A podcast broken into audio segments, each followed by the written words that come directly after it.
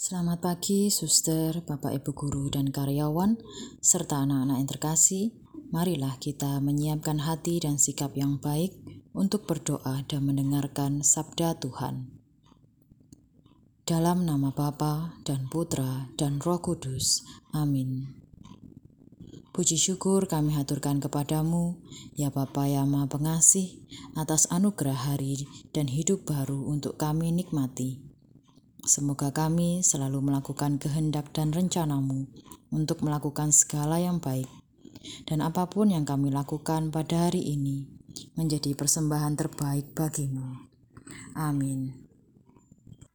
Inilah Injil Yesus Kristus menurut Markus. Dimuliakanlah Tuhan. Pada waktu Yesus tiba di Yerusalem, ia masuk ke bait Allah dan meninjau semuanya. Tetapi karena hari sudah hampir malam, ia keluar ke Betania bersama kedua belas muridnya. Keesokan harinya, sesudah mereka itu meninggalkan Betania, Yesus merasa lapar. Dan dari jauh ia melihat pohon ara yang sudah berdaun. Ia mendekatinya untuk melihat kalau-kalau ia mendapat apa-apa pada pohon itu. Tetapi waktu tiba di situ, ia tidak mendapat apa-apa selain daun-daun saja, sebab memang bukan musim buah ara. Maka Yesus berkata kepada pohon itu, "Jangan lagi seorang pun makan buahmu selama-lamanya." Ucapan itu terdengar pula oleh para murid. Maka Yesus dan murid-muridnya tiba di Yerusalem. Sesudah masuk ke bait Allah, mulailah Yesus mengusir orang-orang yang berjual beli di halaman bait Allah. Meja-meja penukar uang dan bangku-bangku pedagang merpati dibalikkannya. Dan ia tidak mengizinkan orang membawa barang-barang melintasi halaman bait Allah. Lalu ia mengajar mereka, Bukankah ada tertulis, Rumahku akan disebut rumah doa bagi segala bangsa, tetapi kalian ini telah menjadikannya sarang penyamun. Imam-imam kepala dan ahli-ahli Taurat mendengar tentang peristiwa itu, maka mereka berusaha untuk membinasakan Yesus. Tetapi mereka takut kepadanya, sebab mereka melihat orang banyak takjub akan pengajarannya. Menjelang malam, mereka keluar lagi dari kota. Pagi-pagi, Yesus dan murid-muridnya lewat dan melihat bahwa pohon ara itu sudah kering sampai ke akar-akarnya.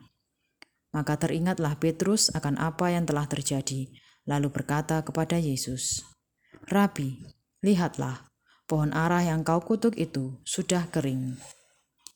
Yesus menjawab mereka, "Percayalah kepada Allah.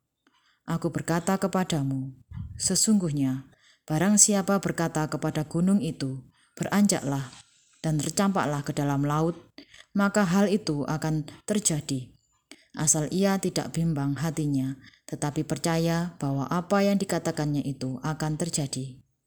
Karena itu aku berkata kepadamu, apa saja yang kalian minta dan kalian doakan akan diberikan kepadamu, asal kalian percaya bahwa kalian akan menerimanya.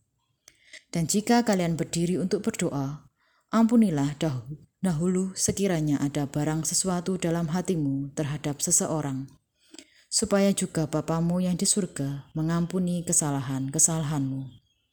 Tetapi jika kalian tidak mengampuni, maka Bapamu yang di surga juga tidak akan mengampuni kesalahan-kesalahanmu. Demikianlah Injil Tuhan. Terpujilah Kristus. Suster, Bapak, Ibu, serta anak-anak yang terkasih, Kutukan Yesus terhadap pohon ara yang tidak berbuah hendaknya membuat kita sadar untuk melihat diri kita.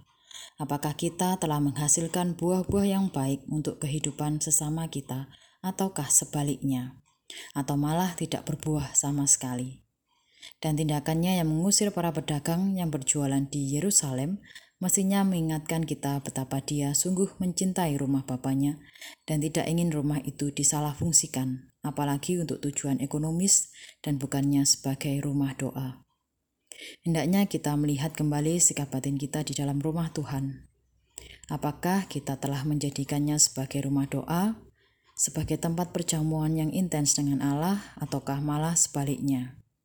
Kita tidak kita telah merusaknya dan tidak menghargainya sama sekali.